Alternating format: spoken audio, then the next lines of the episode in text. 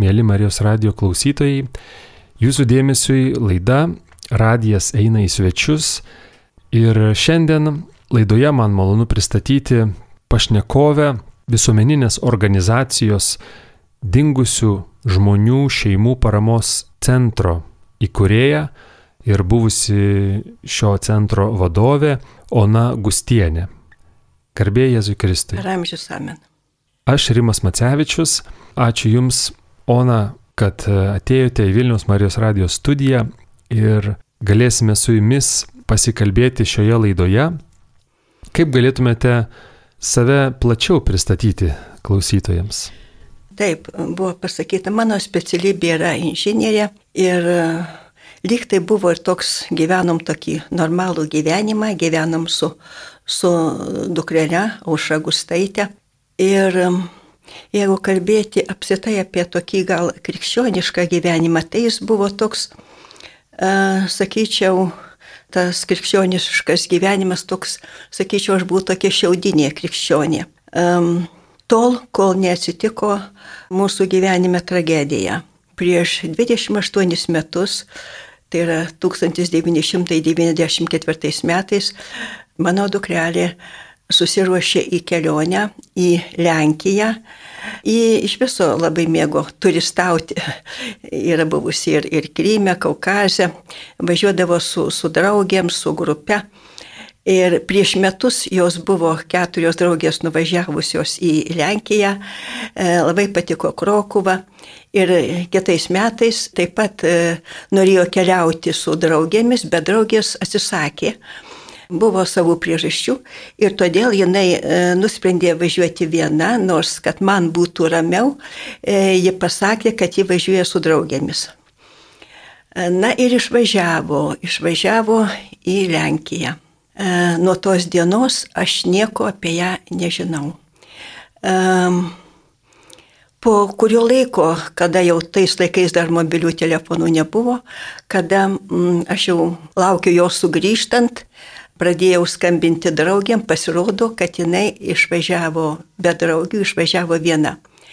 Tada supratau, kad e, įvyko kažkas baisaus, kažkokia tragedija, nors nežinojau kas, likščiol žinoma aš nežinau. Ir tada aš pradėjau jos ieškoti visais įmanomais būdais. Tačiau aš supratau, kad tokioj situacijoje, kada žmogus dinksta kitoj šaly, tiesiog tas ieškojimas yra labai sudėtingas. Ir tada aš supratau, kad nėra e, žemėje jėgos, kurie aš galėčiau remtis, kuri man galėtų padėti. Ir tada aš pradėjau sakykim taip, grėžtis į Dievą, ieškoti Dievo. E, mūsų su e, dukrelė buvo labai artimi, šilti, glaudų santykiai.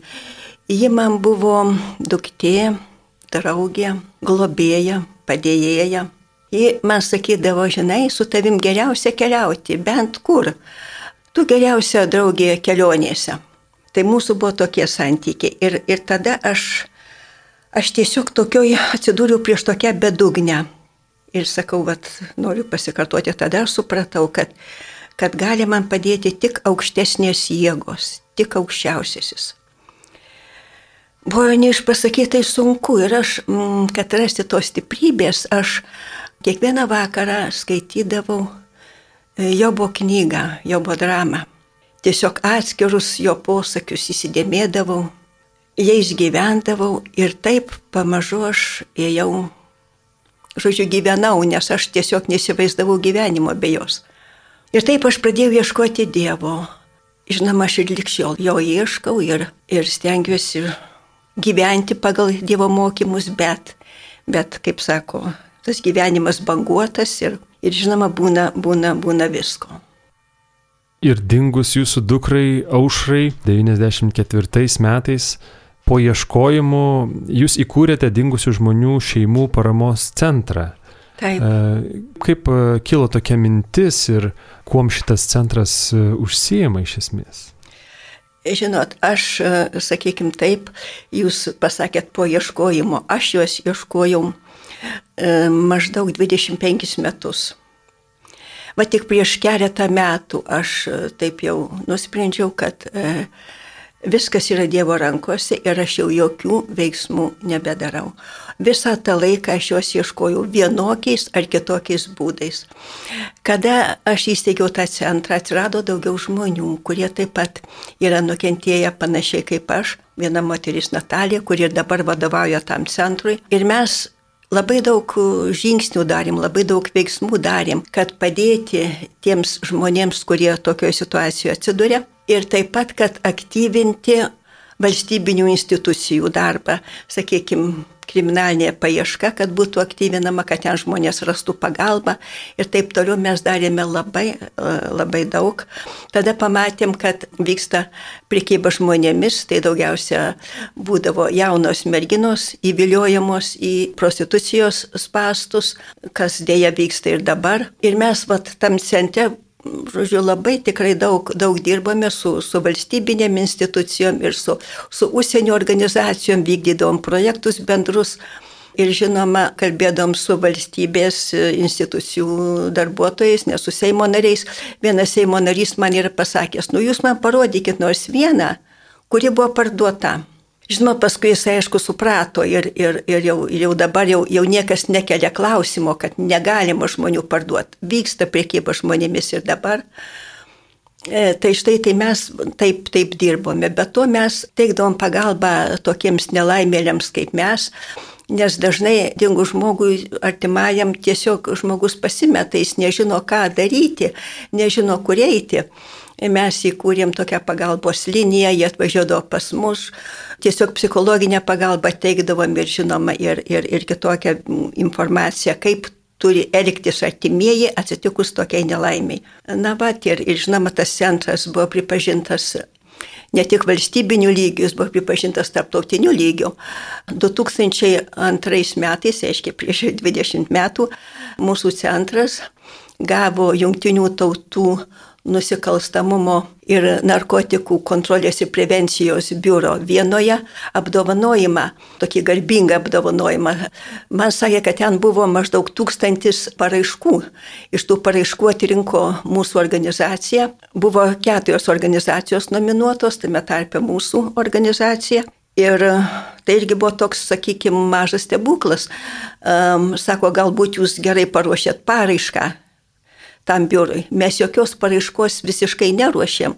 Mus pristatė Austrijos ambasadorius, kuris rezidavo tuo metu Lietuvoje, mūsų, mūsų centro darbą pristatė, o jis mūsų centro darbą sužinojo iš to, kaip mes ruoždavom tarptautinės konferencijas, jas paprastai ruoždavom Seime, jisai yra buvęs Jis pamatė mūsų darbą ir jis pristatė tam biurui mūsų centrą.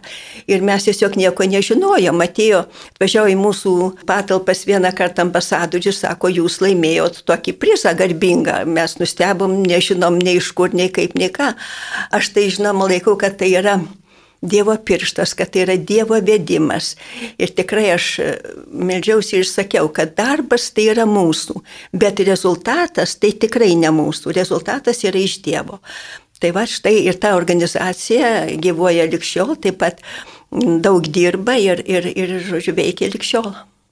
Sakėte, kad vienas Seimo narys prašė parodyti nors vieną parduotą asmenį.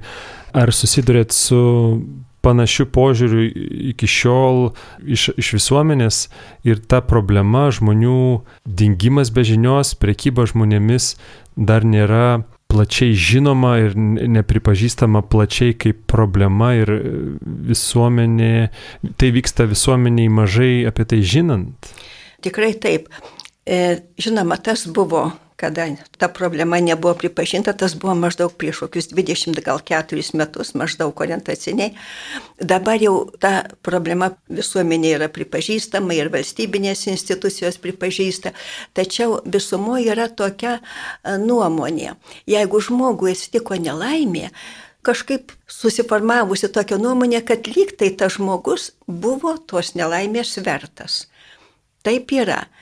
Ir, ir tokiu atveju, kada dinksta žmogus, iš visuomenės nėra tokios, m, tokio palaikymo, nėra, nėra užuojautos, nėra, kad, žinot, vad pulkim visi ir dabar darykim, ką galim, kad tam žmogui padėti. To nėra. Yra taip lyg, nu, ten kažkas matyt buvo gal ne taip. Tai, va, tai, tai todėl tokiem žmonėm atsitikus tai nelaimiai e, reikia, reikia visuomenininkų pagalbos. Visuomenininkai jie žiūri neformaliai. Jie visada yra arčiau žmogaus, jie jautresni, jų nesaisto jokie ten aktai įstatyminiai ir taip toliau.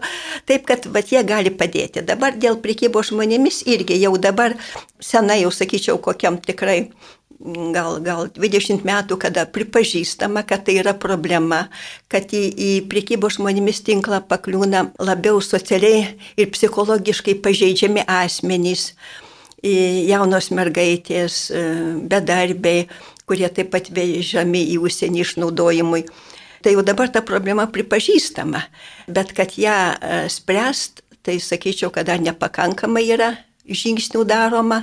Nors tai yra gana, pavyzdžiui, teisme yra labai sunku įrodyti, kad kitas asmuo pardavė tą, tą žmogų. Labai sunku įrodyti, o sunku įrodyti dar ir dėl to, kad tie, kurie buvo apgauti, kurie buvo parduoti, jie irgi jaučia tokį visuomenės visuomenės neigiamą požiūrį į juos ir jie nenori afišuotis, nenori viešai liūdyti, nenori viešai įsakyti savo skausmo, savo pažeminimo, ką patyrė toj vergoviai. Va todėl šitos problemos yra ir dėl to dar jos yra ir egzistuoja.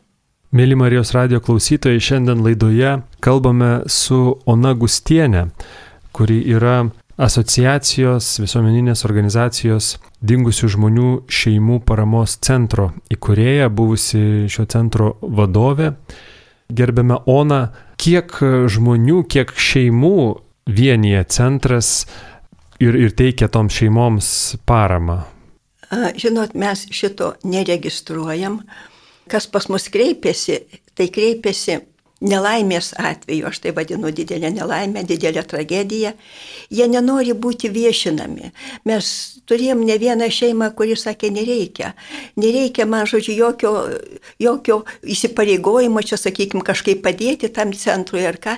Jis nori išeiti, jis nori užmiršti šitą situaciją, ar ta situacija baigėsi gerai ar blogai, jis nenori joje būti. Net ir man yra sakę žmonės, tu nedirb to darbo, tai yra be galo sunku, tu kiekvieną dieną susiduri su, su skausmu, su netektim, bet aš va tuo metu, kada mano pačios tragedija man spaudė širdį, aš sakiau, aš nematau prasmės dirbti bet kokį kitą darbą. Aš prasme mačiau tik čia, tik šitam darbe, todėl aš jam dirbu, bet, bet žmonės, jie ir aš juos suprantu, turbūt ir man tai būtų.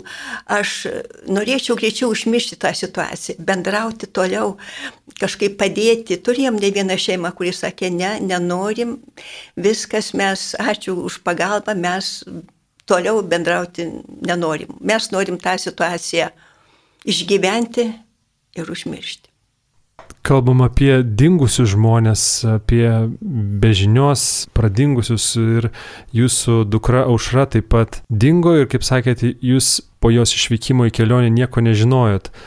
Liktai nėra žinios apie mirtį, e, bet ar tai yra lengviau, kai, kai žmogu, žmogų ištinka netektis, miršta artimasis, kažkaip yra aiškiau. Ar jums teko galvoti apie tai, apie būtent šitos tragedijos specifiškumą, liktai yra kažkokia viltis, kad jūs ieškot ir galit surasti, bet ta viltis galbūt e, jinai kažkokia sunki, kaip jūs savo patirtį apmastote ir, ir, ir palyginate su kitomis netektimis, kada aišku, jog žmogus mirė ir, ir yra netekties faktas tiesiog akivaizdus. Taip, jūs pasakėt viltis sunki. Taip, bet vis dėlto yra viltis, kokia sunki ji bebūtų. Ir aš tuos metus gyvenau viltimi, dabar nežinau, ar jau aš gyvenu šitą viltimi, bet aš anksčiau ją gyvenau ir tai mane a, vedė į priekį ir tai aš galėjau dirbti. Ir aš, a, vat, ir dėka to žinoma organizacijos, aš um, atlikau begalės tikrai labai daug e, žingsnių, įvairių žingsnių ir valstybiniu mastu, ir tarptautiniu mastu. Ir Lenkijoje buvo atlikta labai daug žingsnių, ir kitose valstybėse, ir Vokietijoje, ir Maskvoje buvo. Žodžiu, buvo atlikta labai labai daug žingsnių visais lygiais. Bet jau dabar, prieš kokius, sakau, gal porą metų, aš pasakiau, kad aš jau daugiau tų žingsnių nedarysiu. Viską atidaviau Dievo rankas. Kaip Dievas duos, tai bus. Jis mus myli, turiuomenį Dievas mus labiau myli, negu mes patys save galim mylėti. Taip, kad jis ir mano dukra taip pat myli. Pačioje laidos pradžioje minėjot, kad buvote šiaudinė krikščionė. Ir jums tapti tikra krikščionė gyvo tikėjimo padėjo tragedija. Ar, ar, teisingai, ar teisingas toks įvardymas? Taip. Padėjo netektis. Kokiu būdu gali padėti netektis ir, ir ar jūs laikote tą tikėjimo atradimą ir tą Dievo ieškojimą kaip kažkokį tai laimėjimą ir pasiekimą, kažkokį tai gerą rezultatą iš viso to, iš visos tos kančios. Taip, tikrai taip. Mano šeima, aš vaikystėje augau krikščioniškoje šeimoje, mums bažnyčia būdavo toli, 6 km, tai ne kiekvieną sekmadienį gal galėdavo nueiti, mes visada kiekvieną sekmadienį melzdavomės namuose, šeimoje, kiekvienas gegužinės pamaldas gegužės mėnesį, o birželio mėnesį birželinės pamaldas. Kiekvieną vakarą melzdavomės prie papuošto altorėlio pas mus arba pas kaimynus. E, kiekvieną spalio mėnesį mes kalbėdom šeimoje rožinį. Tai vad mūsų šeima buvo krikščioniška, tačiau žinot, paskiau paauglystė, jaunystė, kada išeini iš namų, tada mm, atsiranda tas noras aš pats. Aš pats. Vat ir tada atrodo, kad tu pats viską gali padaryti. Ir todėl man labai e, norisi pasakyti žmonėm, kurie, kurie girdės gal, kad tu pats žmogau mažai ką gali padaryti. Mažai. Kaip sakoma, žmogus sėdi Dievo ant kelių ir reguliuoja savo gyvenimą. Tai va, tai taip ir man buvo. Ir tik tai po, po tos tragedijos aš supratau, kad aš pats nieko čia jau nenuveiksi, nieko. Ir, ir tada aš pradėjau ieškoti Dievo ir, ir, ir jo ieškau likščiol. Ir kaip sakoma, tikėjimas, malda net um, fizinių lygmenių pakeičia žmogaus organizmą, net lastelės atsistato. Aš tik dabar šitą supratau, tik dabar šitą, šitą atradau. Ir todėl aš dabar visais, visais įmanomais būdais ieškau Dievo. Tačiau, žinot, gyvenimas yra, yra gyvenimas yra ir viršūnės, yra ir nuopoliai, ir todėl e, tam gyvenime būna visko. Tačiau visas, e, visas nelaimės, visas tragedijas, visas nesėkmės, ir didelės, ir mažas, e, daug lengviau galima išgyventi, kada turi į ką atsiremti, kada turi atsiremti į stipresnį, o tas stipresnis tai ir yra Dievas. Bet ar nebuvo pykčio ant Dievo? Už tą tragediją, už tai, kad e, jūsų dukra išvyko ir negrįžo? Ne, kažkodėl tai ne, ne, negaliu netgi pasakyti, kodėl, bet ne. Aš supratau, kad tai yra Dievo valia. Aš supratau, kad Dievas žmogui nori pačio geriausio. Taip pat ir man jis norėjo pačio geriausio. Galbūt kaip tik jisai norėjo, kad aš atsiverščiau. Aš šitą uh, prielaidą dažnai darau pati savo.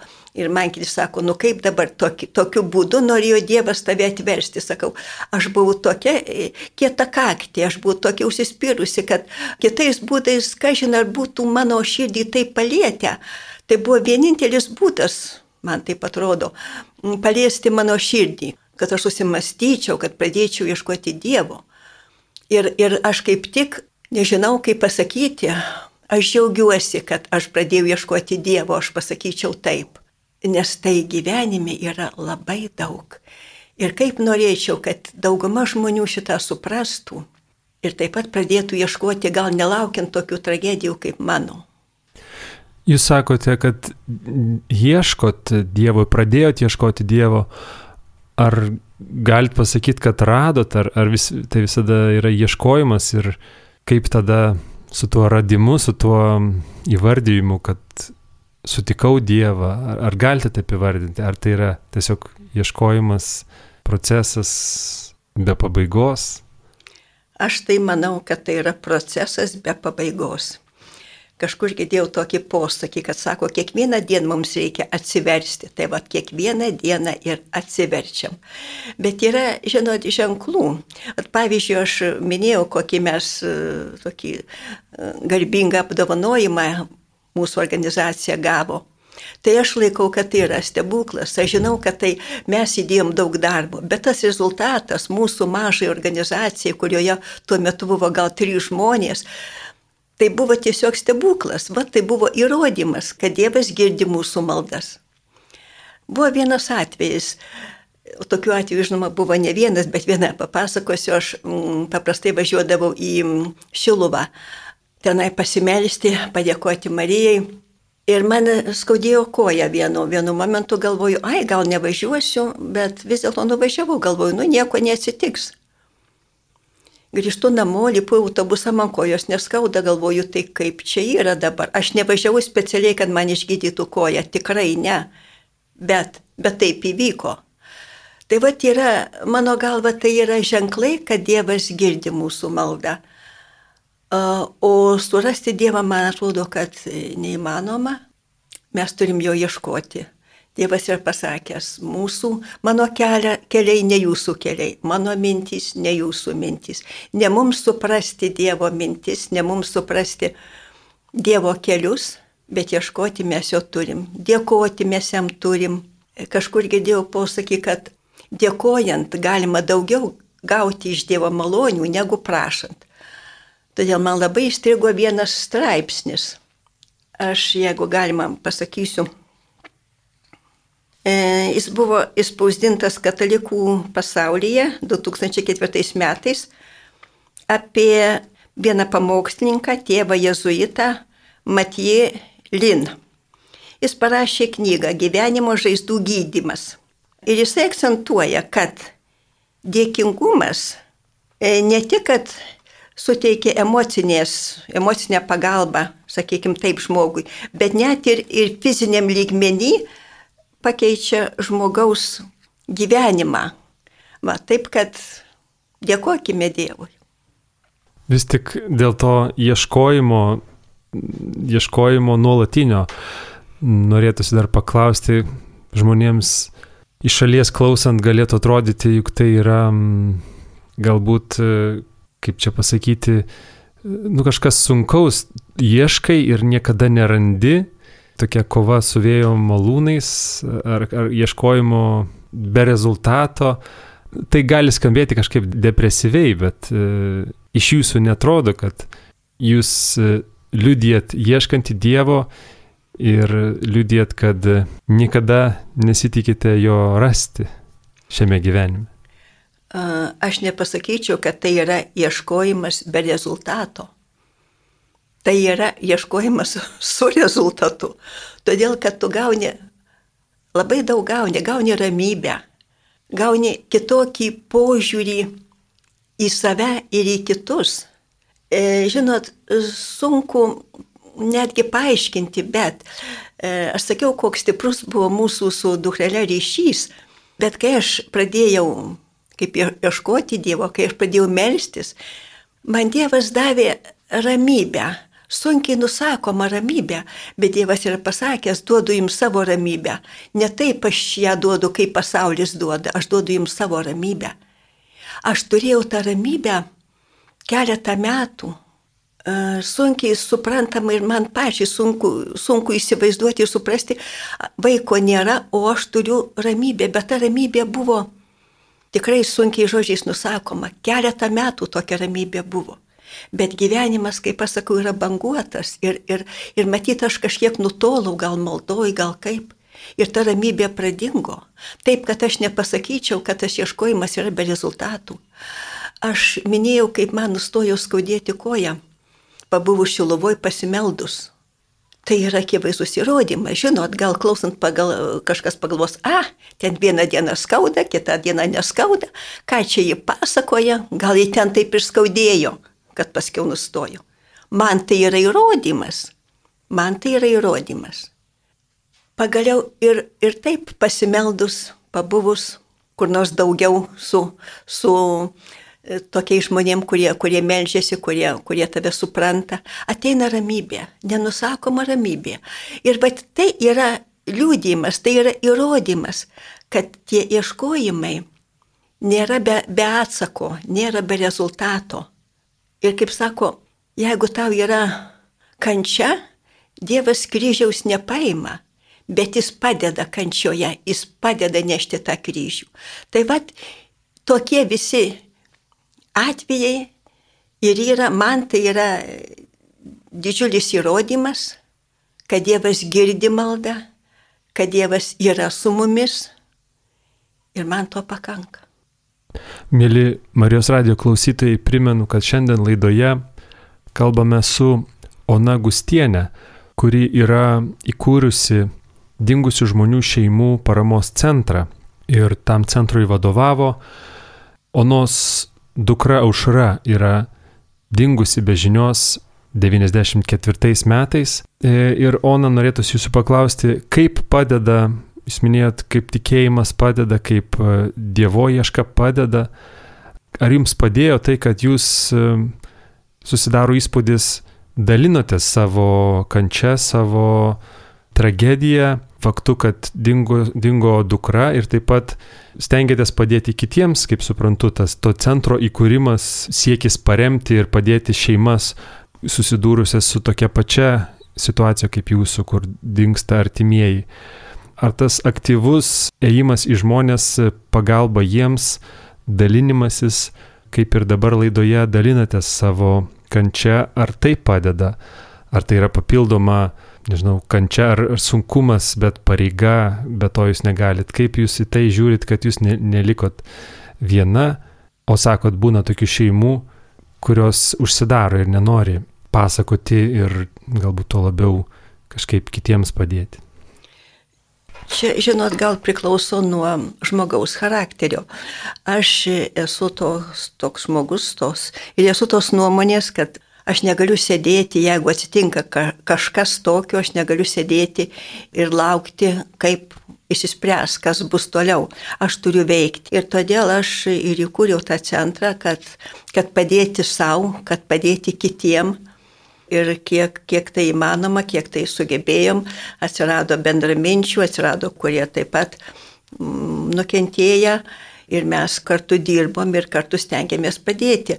Ir mano galva tai yra būtinybė ne, nesėdėti, nelaukti, kad kažkas gal kažką padarys, o, o tiesiog kažką daryti. Ir mes tikrai tuo metu o, valstybinės institucijos, turiuomenį policiją, tikrai neieškojo dingusių žmonių ir dabar nebeieško ir netgi, netgi sakoma, kad ir, ir neprivalo ieškoti, todėl kad gali būti atveju, kad e, žmogus kažkur tai išvažiavo ar į užsienį ar pagaliau Lietuvoje, bet nenorim kad apie jį žinotų artimieji. Ir va tokiais atvejais, netgi jeigu policija ir žino, kur tas žmogus yra, bet jeigu to žmogaus atseit dingusiojo noras, valia yra, kad apie jį niekas nieko nežinotų, tai policija ir nepraneša artimiesiems. Bet čia yra kita kalba apie vaikus, kurie išeina iš namų ir, ir dinksta. Daugiausia, žinoma, tie vaikai iš namų išeina tokiais atvejais, kai, kai nėra meilės namuose, kai tie vaikai jaučiasi nereikalingi, nesuprasti. Nu, lyg tai, žinot, vaikas yra priedėlis prie, prie namų, prie baldų. Tai va tokie vaikai, nerasdami meilės šilumos namuose, jie, jie bėga iš namų, o jie, kurie bėga, jie bėga į gatvę. Kaip žinome, gatvė labai nesaugu. Mm, tiek pavojų tyko gatvėje, žinom. Ir, ir narkotikai, ir, ir, ir prostitucija, pedofilija, ir, ir visa kita. Ir vat jie dažnai ir, ir dinksta tie vaikai ar ilgesniam laiku, ar trumpesniam, būna, kad apsitai dinksta.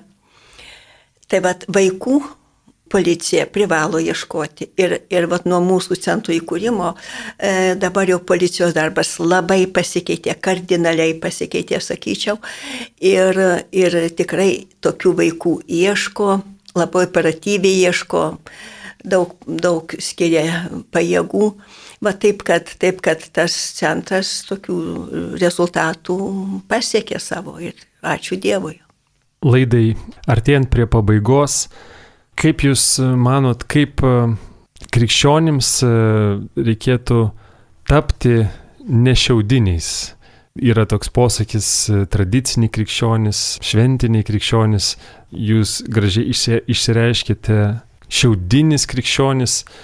Kas padeda?